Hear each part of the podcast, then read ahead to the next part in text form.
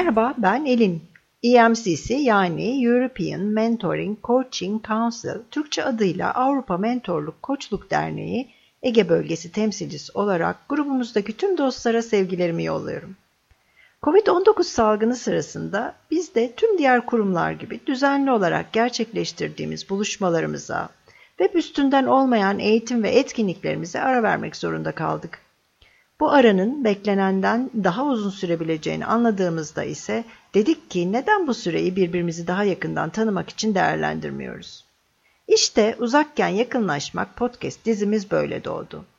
Fiziken birbirimizden ayrı olsak da zihinsel ve ruhsal olarak yakınlaşmamıza destek olmasını arzuladığımız söyleşilerimizi severek dinleyeceğinizi umuyoruz. Herkese keyifli dinlemeler.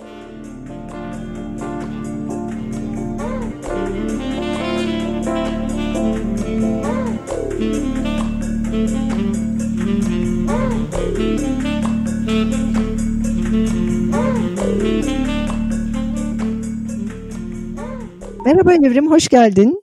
Davetimi kabul ettiğin için çok teşekkür ederim her şeyden önce. Ben teşekkür ederim davet için. Şimdi seni tanımayanlar için her şeyden önce tabii bize biraz kendinden bahsedebilir misin?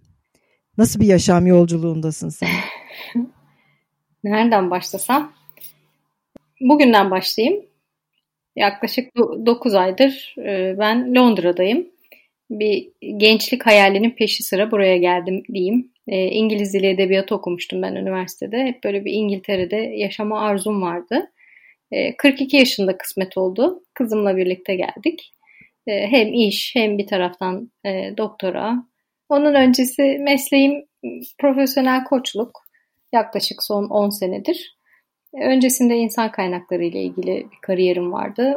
Ee, farklı şirketlerde uzman yönetici olarak çalıştım. Yolum da zaten koçlukla o şekilde kesişti. Çünkü uzmanlık alanım ağırlıklı yetenek gelişimi, liderlik gelişimiydi. Sen evet ben ilk tanıdığımda insan kaynaklarındaydım. Ben de insan kaynaklarındaydım. evet evet. Koç toplumunun ben farklı şirketlerinde çalıştım. 7 ayrı şirket, 8 ayrı görevde çalıştım. Hala e, kimsenin kırmadığını düşündüğüm bir rekora sahibim o anlamda.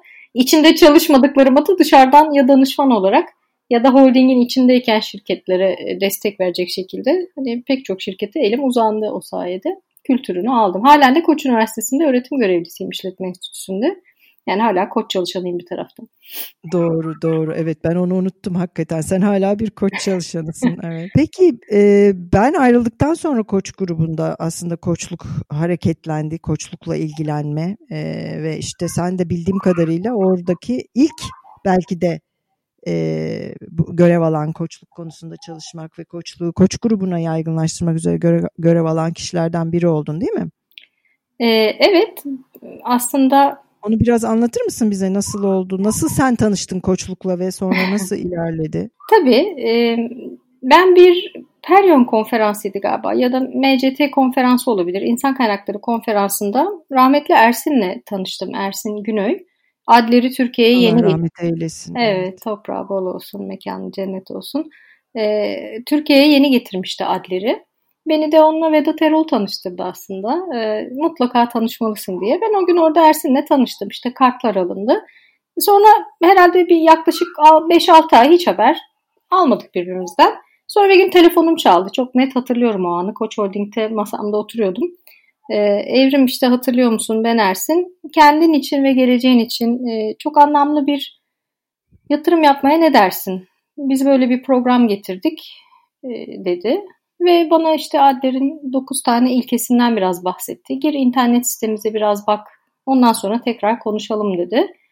E, ben baktım. O 9 temel prensip beni gerçekten cezbetti. E, içinde işte anlam olan, e, herkesin seçme özgürlüğü ve sorumluluğu vardır diyen çok temel prensiplerdi.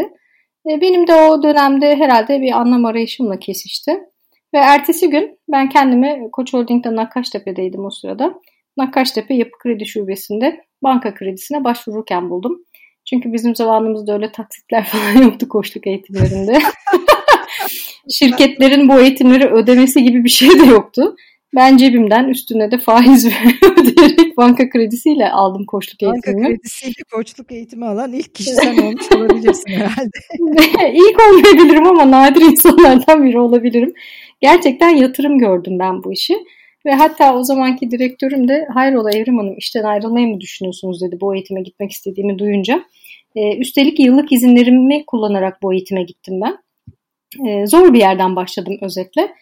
E, sonrasında Yıl bu... kaçtı Evrim? Bu 2009'du. E, 2009. Sonrasında ben o programı bitirdim. Praktikum uzmanlık programını bitirdim. E, ve benim için artık tutkuya dönüştü. Divan grubunun insan kaynaklarını e, yönetmeye başladım. Çünkü koçluk gerçekten benim çok temel becerilerimi güçlendirdi. Daha iyi bir yönetici oldum, daha iyi bir anne oldum kesinlikle.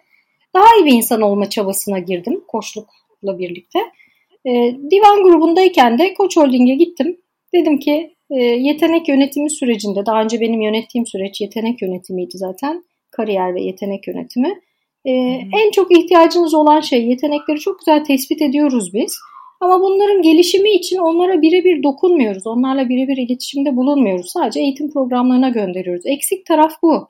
Ve bunu da koçlukla çok iyi tamamlayabiliriz. Beni de burada koç olarak konumlandırabilirsiniz. Çünkü ben topluluğu tanıyorum, kültürü biliyorum dedim. E, mantıklı bir öneri olarak gelmiş olacak ki tamam dediler ve benim için bir orada pozisyon yarattılar insan kaynaklarının altında. Ve ben hmm, hani harikaymış. Sen başlattın yani.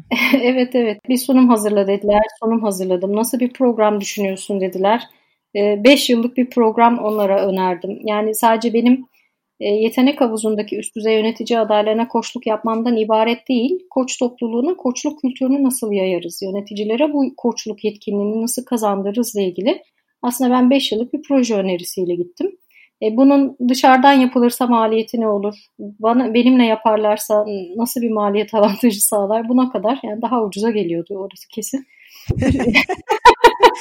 Şimdi koç arkadaşlar dinliyorlar. Biz böyle söylemeyelim. ya ama öyleydi.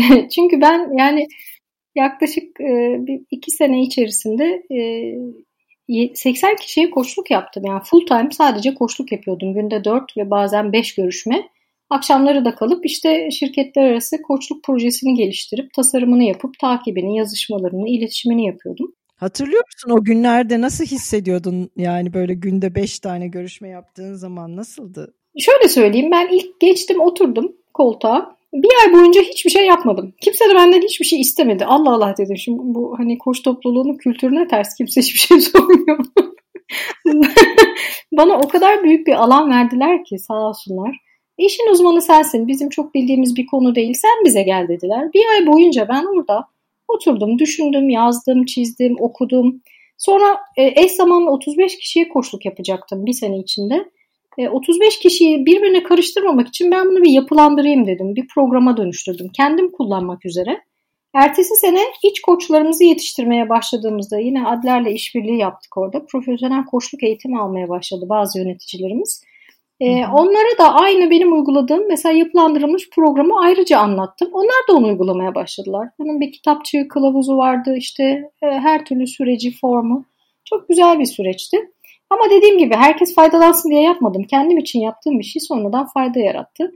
E, nasıl hissediyordum? Valla günde 5 görüşme yaptığım bazı günler tabii yorgunluktan ölüyordum. Yani dinlemek çok zor bir şey. Uzun süre dinlemek de çok zor bir şey. Ama her gün gerçekten mutlu kapatıyordum ben günü. Ee, böyle nasıl söyleyeyim Holding'in kampüsünü görenler vardır belki. Çimlere bakan, cam mekan, e, böyle biraz dünyadan izole insan kaynaklarının dışında e, muhaberatın olduğu ve doktorun olduğu bir binada bir de ben vardım. Çok sessiz sakin bir ortamda. E, sürekli birileri giriyor çıkıyor giriyor çıkıyor odaya bir buçuk saat arayla. Böyle gözümü açıyordum, koşluk yapıyordum. Gözümü kapatıyordum, koşluk yapıyordum. Tabii çok hızlı bir sürede ben PCC oldum. E, göreve başladığımda ACC olmuştum zaten. bir, bir buçuk senede de PCC oldum. O zaman 750 saatle alınıyordu PCC. ee, yani çok güzel günlerdi gerçekten. Ben yapa yapa piştim. E, bir taraftan yaptığımı da yazdım. Kayıt altına aldım, yapılandırdım. Böylelikle benim deneyimimden, onu yaşarkenki deneyimimden benden sonraki koç olarak yetiştirdiğimiz yönetici arkadaşlar da faydalandılar. E, yazılı hale getirmek, sürece dökmek biliyorsun hani sen de danışmanlık kökenlisin, ben de danışmanlık evet. kökenliyim. Ya biz sadece yaparak rahat edemeyenlerdeniz. İlle yaptığımızı bir kayda da alacağız, bir geliştireceğiz, iyileştireceğiz falan. Kafa öyle çalışıyor. Güzel günlerdi. Oradan sonra da e, ben artık insan kaynakları kariyerine devam etmek istemedim. Hani ben de aslında e, o üst düzey yönetici havuzun içinde ben de vardım. E, ama insan kaynakları yerine ben e, bu işi anlatmak, öğretmeyi tercih ettim. Ve Koç Üniversitesi ile temasa geçtim. Koç Üniversitesi İşletme Enstitüsü'ndeki rolüm de öyle şekillendi. E, orada akademik kadroda görevlendirdiler beni. MBA ve Executive MBA öğrencilerine hem koçluk yaptım, yapıyorum hem de koçluğu öğretiyorum. Daha doğrusu koçluk becerilerini öğretiyorum. Bir lider Hı-hı. olarak koçluğu kullanmaları için. Şu anda peki hala ders veriyor musun? Yani şimdi sen de uzaktan eğitime geçtin mi? Evet evet veriyorum. Bu akşam var MBA öğrencileriyle dersim var. Zoom üzerinden yapıyoruz.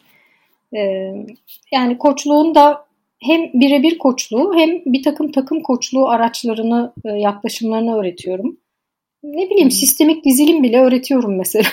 ya oradaki Hı-hı. kabile kuralları bir yöneticinin olmazsa olmaz bence. Aynen. E, bilmesi gereken şeyler. Hani hiyerarşinin ne anlama geldiği, o exchange, alma verme, alışveriş kuralları ben bilseydim kariyerimde eskisinde çok daha rahat ederdim yani bu kadar dert etmezdim bazı Değil şeyleri. Mi?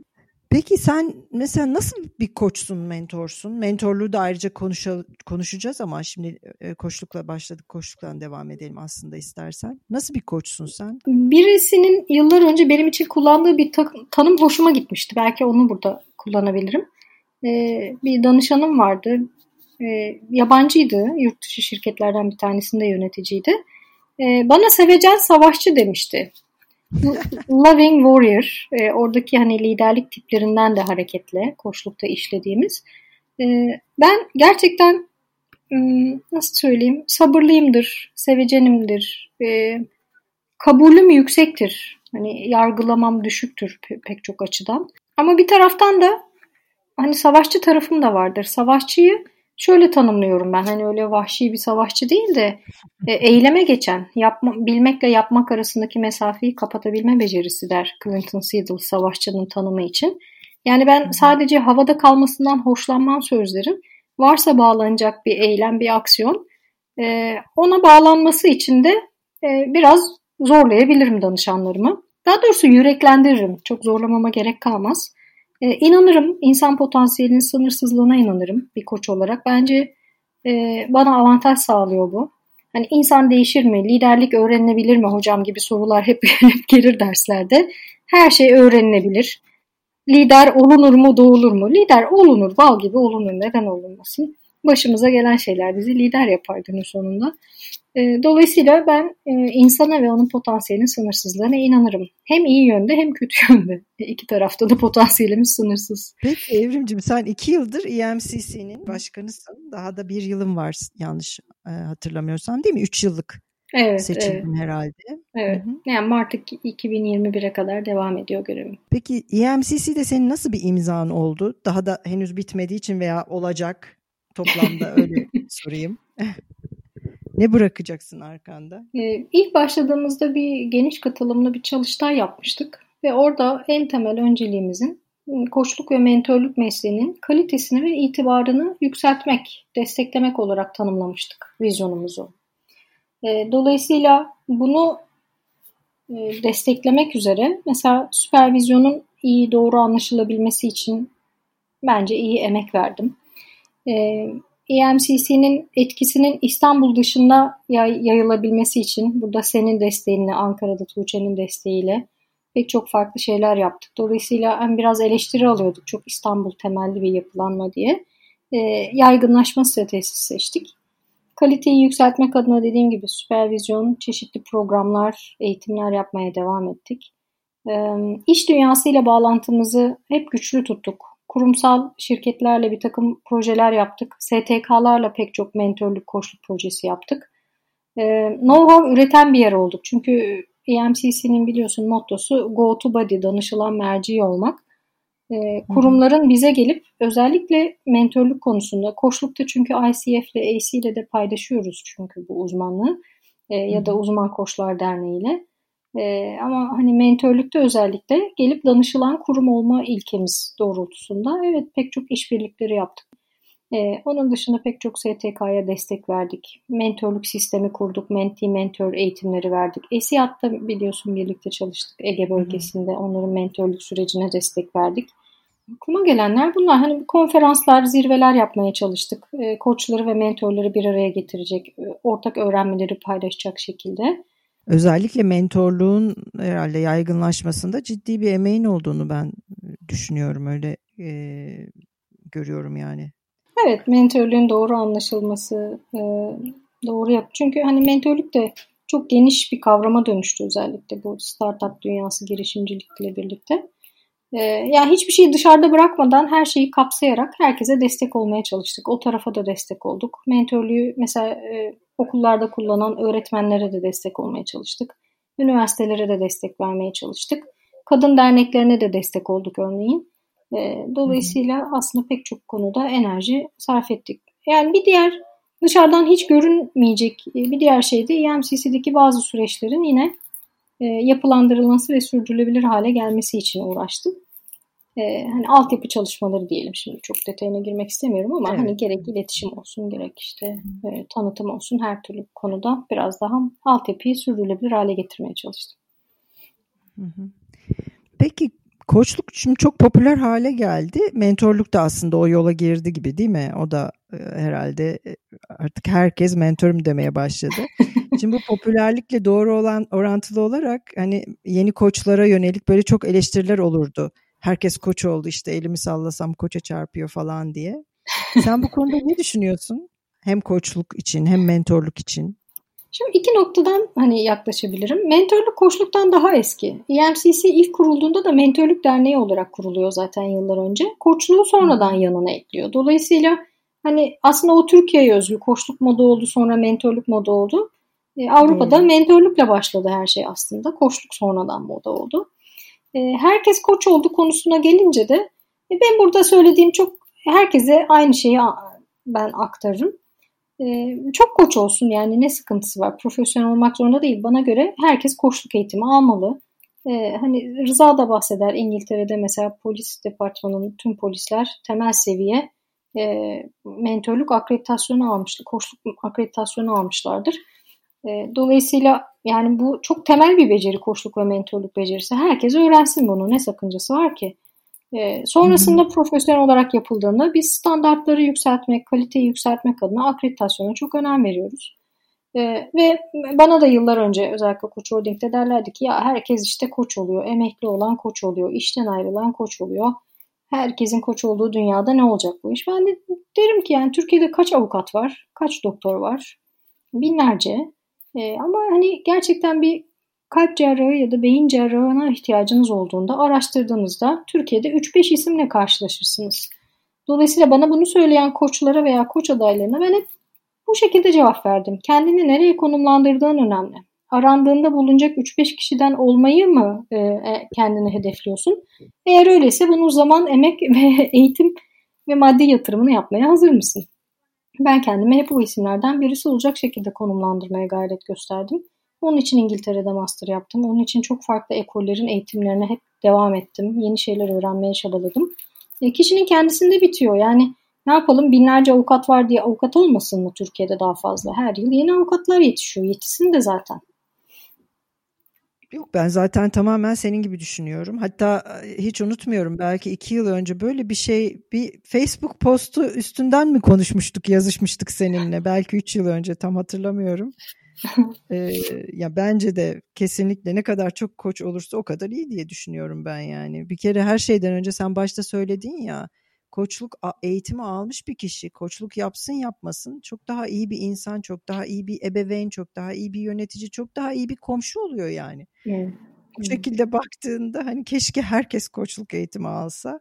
Evet. evet yani profesyonel açıdan hani çok kalifiye olmayan kişilerin koçluk yapıyoruz demeleri biraz mesleki açıdan hani zarar veriyor e, belki zedeliyor hı hı. E, imajı.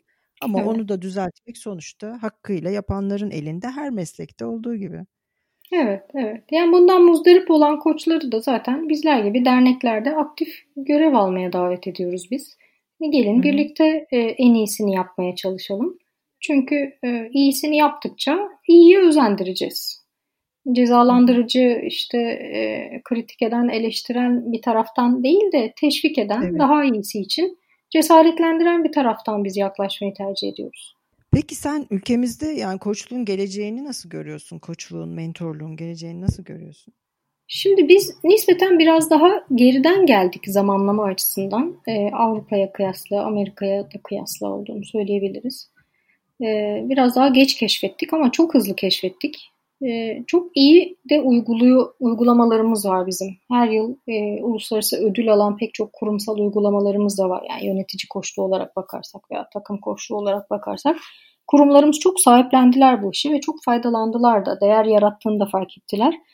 Yani belki bundan bir 7-8 yıl önceki koçluk gerçekten işe yarıyor mu sorusunu bugün hiç kimse sormuyor farkındaysanız Türkiye'de. Evet. Bence koçlar ve mentorlar çok iyi iş yaptılar. Çok iyi bir iş çıkardılar bu konuda. Ve bu soruyu ortadan kaldırdılar. Değeri ortaya koyabildik. Ee, geleceğini nasıl görüyorum? Ben geleceğin daha da koçluk ve mentorluğu ön plana çıkaracağını düşünüyorum. Ee, iletişim değişiyor. Hele ki bu dönemden sonra e, takımların, kişilerin, çalışanların bağlılığını sağlamak çok daha fazla önem kazanıyor. Ya da mesela hani benim kızım da şu anda evden eğitim görüyor. E, evden eğitimde eğer öğretmen birebir temas edebiliyorsa ve koşluk yapabiliyorsa e, öğrenci motive oluyor. Eğer öğretmen ilgisizse veya sadece şunu yap deyip geri çekiliyorsa öğrenme iştahı yaratamıyor örneğin. Dolayısıyla e, bu e, dijital iletişimin arttığı bu yeni dünyada çok daha fazla önem kazanıyor. Bu hani çevik denen agile sistemlere geçtiğimizde uzun uzun uzun anlatımlar yerine hızlı şekilde hani o bu takım koçluğunun, fasilitasyonun da zaten getirisiyle hızlı çözümler birlikte bulunuyor. O yüzden ismi koçluk olur, mentörlük olur, başka bir şey olur ama bu beceriler çok daha fazla önem kazanacak önümüzdeki yıllarda bence dünyada. Çok temel bir iletişim e, seviyesi getiriyor koçluk ve mentörlük.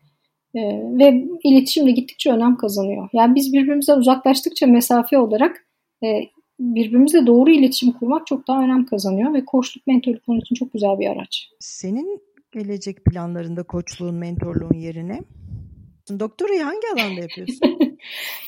Doktorayı liderlik alanında yapıyorum. Ee, ben master'ımı da liderlik, koçluk ve danışmanlık üzerine yapmıştım.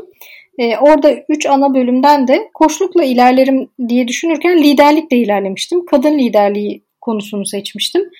Ve orada da görünürlük konusunu seçmiştim. Middlesex Üniversitesi Londra'da yani Londra'daki bir üniversitede yaparken e, bir eylem bazlı öğrenme yöntemi kullanılıyordu bizim programımızda. Bu ne demek?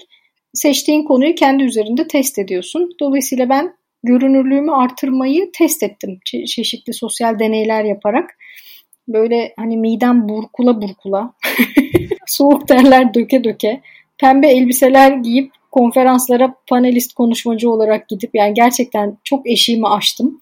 Gruplarla mesela hayatta çalışmazdım yani birebir koçluk yapardım. Eğitmen olmayı falan asla düşünmezdim. Bu sosyal deneyler sonrasında yani hem alıştım hem bir takım ne kadar engelleyici düşüncelerim varmış. Kendi bariyerlerimi fark ettim. Saçma sapan tanımlamalarım varmış mesela görünür olmakla ilgili. İşte görünür olmak başkasından alan çalmaktır diye tanımladığımı fark ettim mesela. Ne alakası var? Çıktım bir yerde konuştum. Kimseden alan falan çalmadım. Bildiklerimi paylaşma fırsatıydı oysa ki. Ve o gün mesela o tanımlamam değişince ben çok daha rahat görünür olmaya başladım. Bir taraftan da görünmezliğimle de buluştum. Yani görünmez olmak da beni belki hayatta güvende tuttu. Ee, çok büyük e, nasıl diyeyim çatışmaların arasında kalmamamı sağladı. Güvende olmamı sağladı özetle.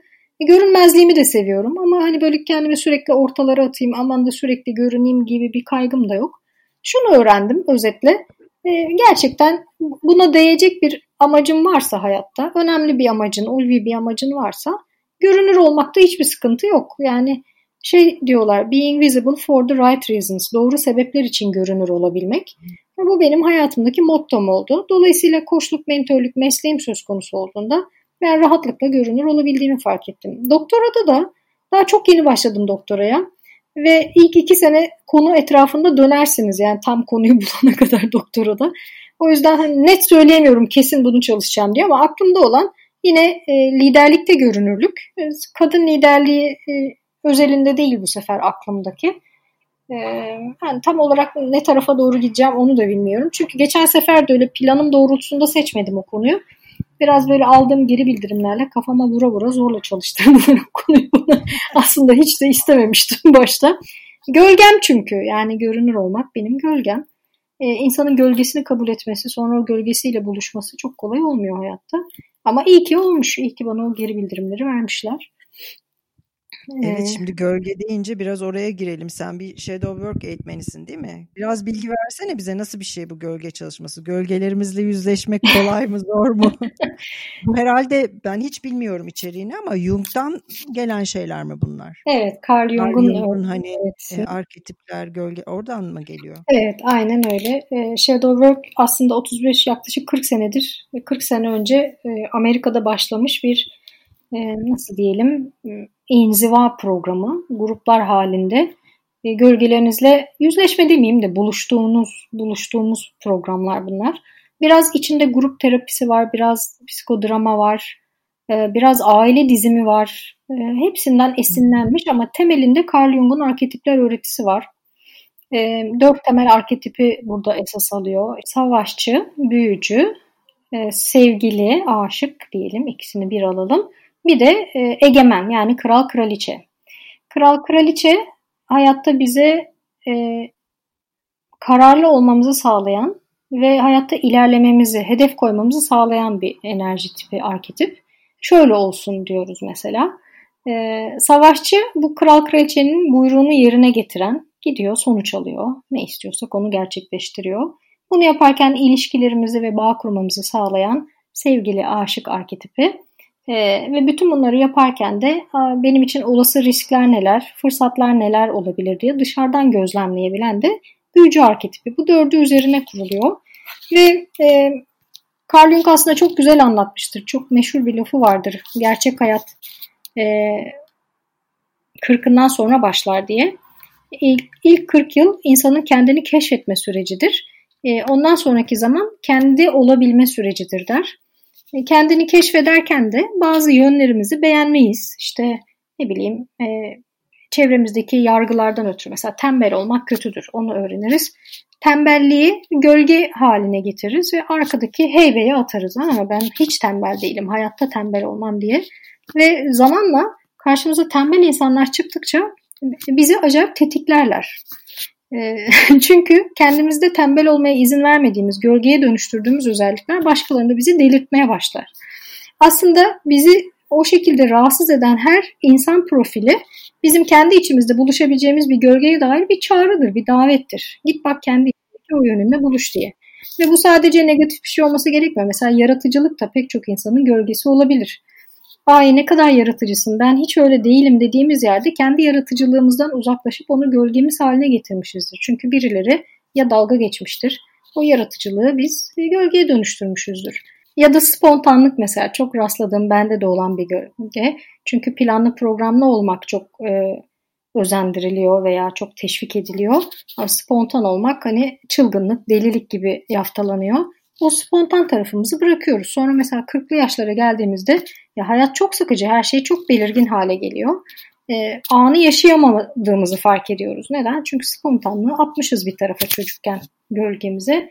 Heybede duruyor. E, hafta sonu çalışmalarında biz bu gölgelerle buluşuyoruz. E, şimdi hani çok fazla detayını vermeyeyim ama çok derin etkileyici prosesler yapıyoruz. Bunun aynı zamanda koçluğu da var, birebir koçluğu. Ben onun da e, akredite koçuyum. E, online olarak da yapıyorum. Gayet de keyifli oluyor. Farklı da, içinde biraz hani voice diyalog da var. Farklı sesleri konuşturduğumuz. E, içimizden farklı farklı kimliklerimiz çıkıyor özetle. Biz hepsiyle çalışıyoruz. Senin içinden de herhalde ilk aldığında bu eğitimleri farklı farklı kimlikler çıktı değil mi? Mesela en çok seni şaşırtan, etkileyen bir içinden çıkan şey neydi gibi bir soru sorsam çok mu saçma olur? Yok olmaz. Ee, ben shadow work e, yani bu gölge çalışmasını yapan nasıl diyeyim grubun e, bir de kadın liderler için yaptığı bir çalışma var. Women in Power diye. İngiltere'de Sheffield'da böyle bir programa katılmıştım. Mesela oradaki bir gölgen beni çok şaşırttı. Gerçekten çok şaşırttı. benim içinden böyle buz gibi, metal gibi soğuk bir şey çıktı. İsim de veriyorsun mesela. ya acımasız, sert. Ben hmm. asla öyle olmamaya çalışıyorum ya. bir tarafım çok da öyleymiş. İsmini de Terminator koydum mesela. Yani bildiğin robot gibi. Ama yani şimdi bakma güldüğüme çok acı verdi yani bu tarafımla hmm. tanışmak. içimde bunun da olduğunu bilmek. Şimdi gölgelerle niye buluşuyoruz? Çünkü gölgeler biz sevsek de sevmesek de içimizde var. Ama biz onları bastırmaya çalıştıkça aslında güçlendiriyoruz ve en istemediğimiz yerde, en olmayacak zamanda, en olmayacak insanlara karşı bir anda patlıyor ve açığa çıkıyor gölgelerimiz. Oysa ki gölgelerimizi tanırsak, onlarla buluşursak kontrolü ele alabiliyoruz. Onlarla kontrollü ilişki kurabiliyoruz. İstediğimiz zaman seçimli bir şekilde onları açığa çıkartabiliyoruz. E, patlamalara gerek kalmadan veya başkalarını kırmadan önce e, insanın bir genişleme süreci bence gölgeleriyle buluşma süreci. Kapsamımızı genişlettiğimiz, kabımızı genişlettiğimiz bir süreç. Peki şimdi bu Terminatörle şu anda senin ilişkin nasıl? E, bu bir köpeği e, komutla ısırmaya öğretmek gibi bir şey. Yani onu öğretiriz. Bir komutla git şunu ısır diye.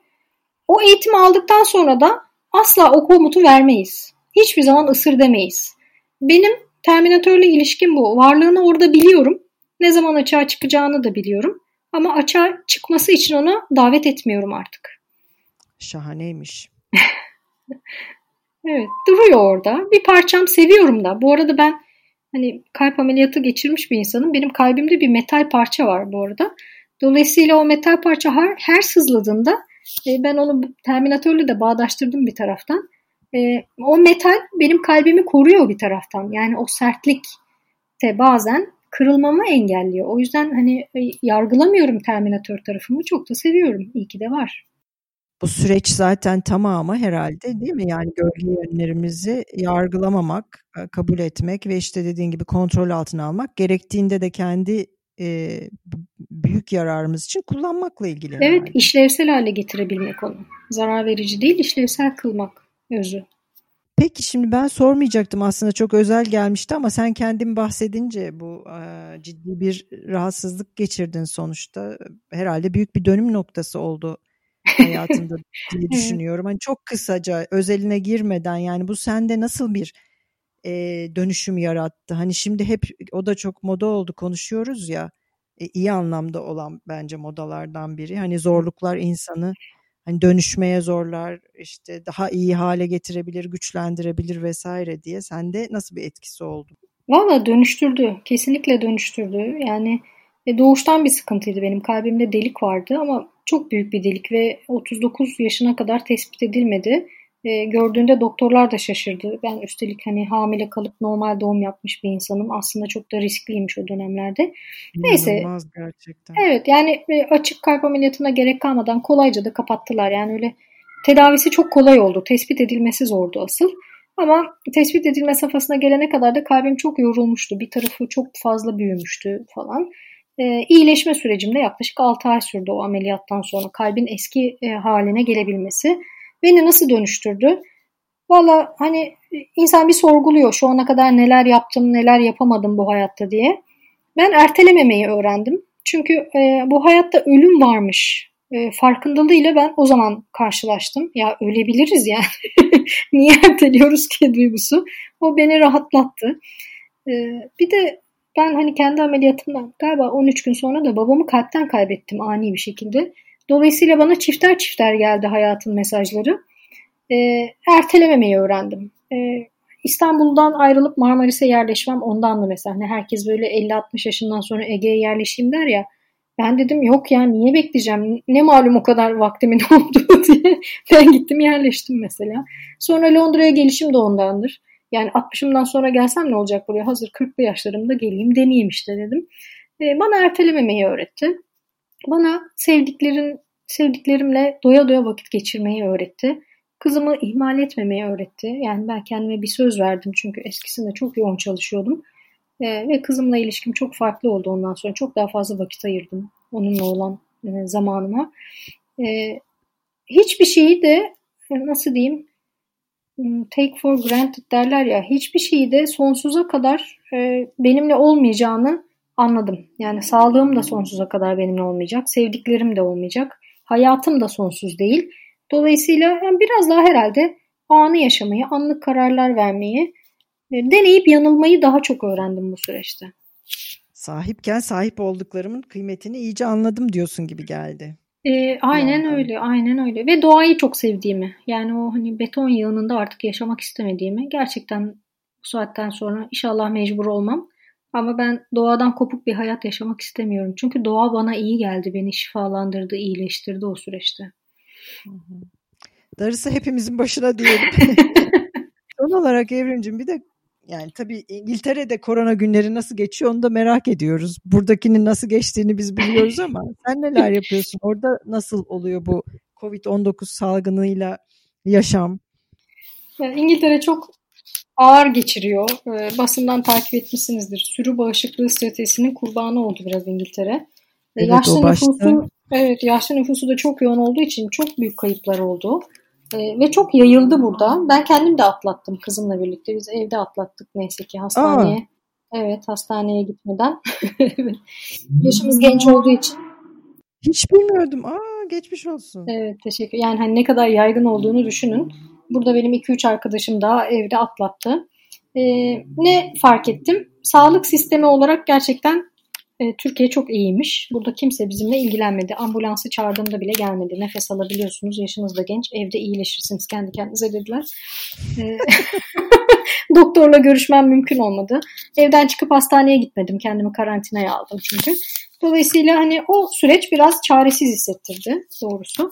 E, ama burada da şey güzel. Yani insanlar birbirini tanımasalar bile e, çok güzel örgütleniyorlar ve birbirlerine destek oluyorlar. Yani sosyal dayanışma çok yüksek burada komşular arasında. E, hemen işte bir takım platformlar üzerinden e, insanlar bir araya gelip organize oluyorlar. Komşuların alışverişlerini yapıyorlar, tanımadıkları insanlar Allah için Allah, yemek pişiriyorlar. Evet yani Biz onu gördüm. İngiltere'de insanları mesafeli sanıyoruz halbuki uzaktan. Normalde öyleler ee, ama yani zorluk zamanında çok güzel dayanışma var. Bölünme yok, ayrışma yok.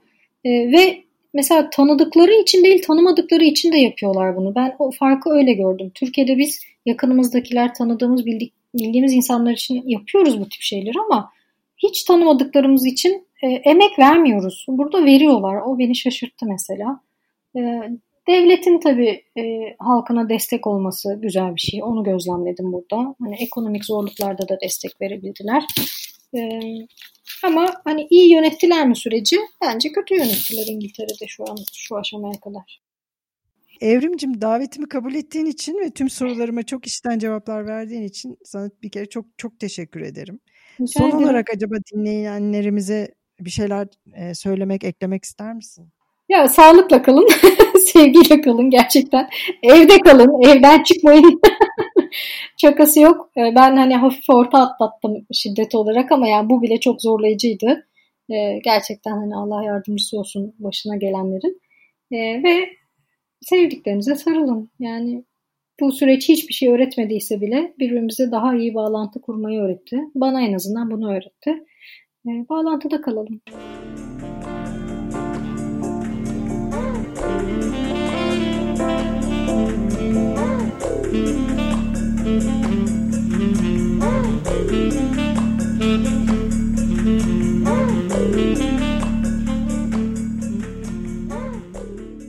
Sevgili dostlar, Uzakken Yakınlaşmak podcast serimizin 24 Nisan 2020 tarihinde gerçekleştirdiğimiz ikinci bölümünde profesyonel koç, mentor ve EMCC Türkiye Başkanı sevgili Evrim Yerli konuğumuz oldu. Evrim'in COVID-19 salgını döneminde gerçekleştirdiği sunum ve paylaşımlardan Instagram hesabını takip ederek haberdar olabilirsiniz. Eğer kendisini biraz daha yakından tanımak isterseniz 10 Nisan'da anlam üzerine gerçekleştirdiği ve kaydını YouTube sayfasına da yüklediği webinarını izlemenizi de hararetle öneririm. Bir sonraki bölümde görüşmek üzere, sevgiyle kalın.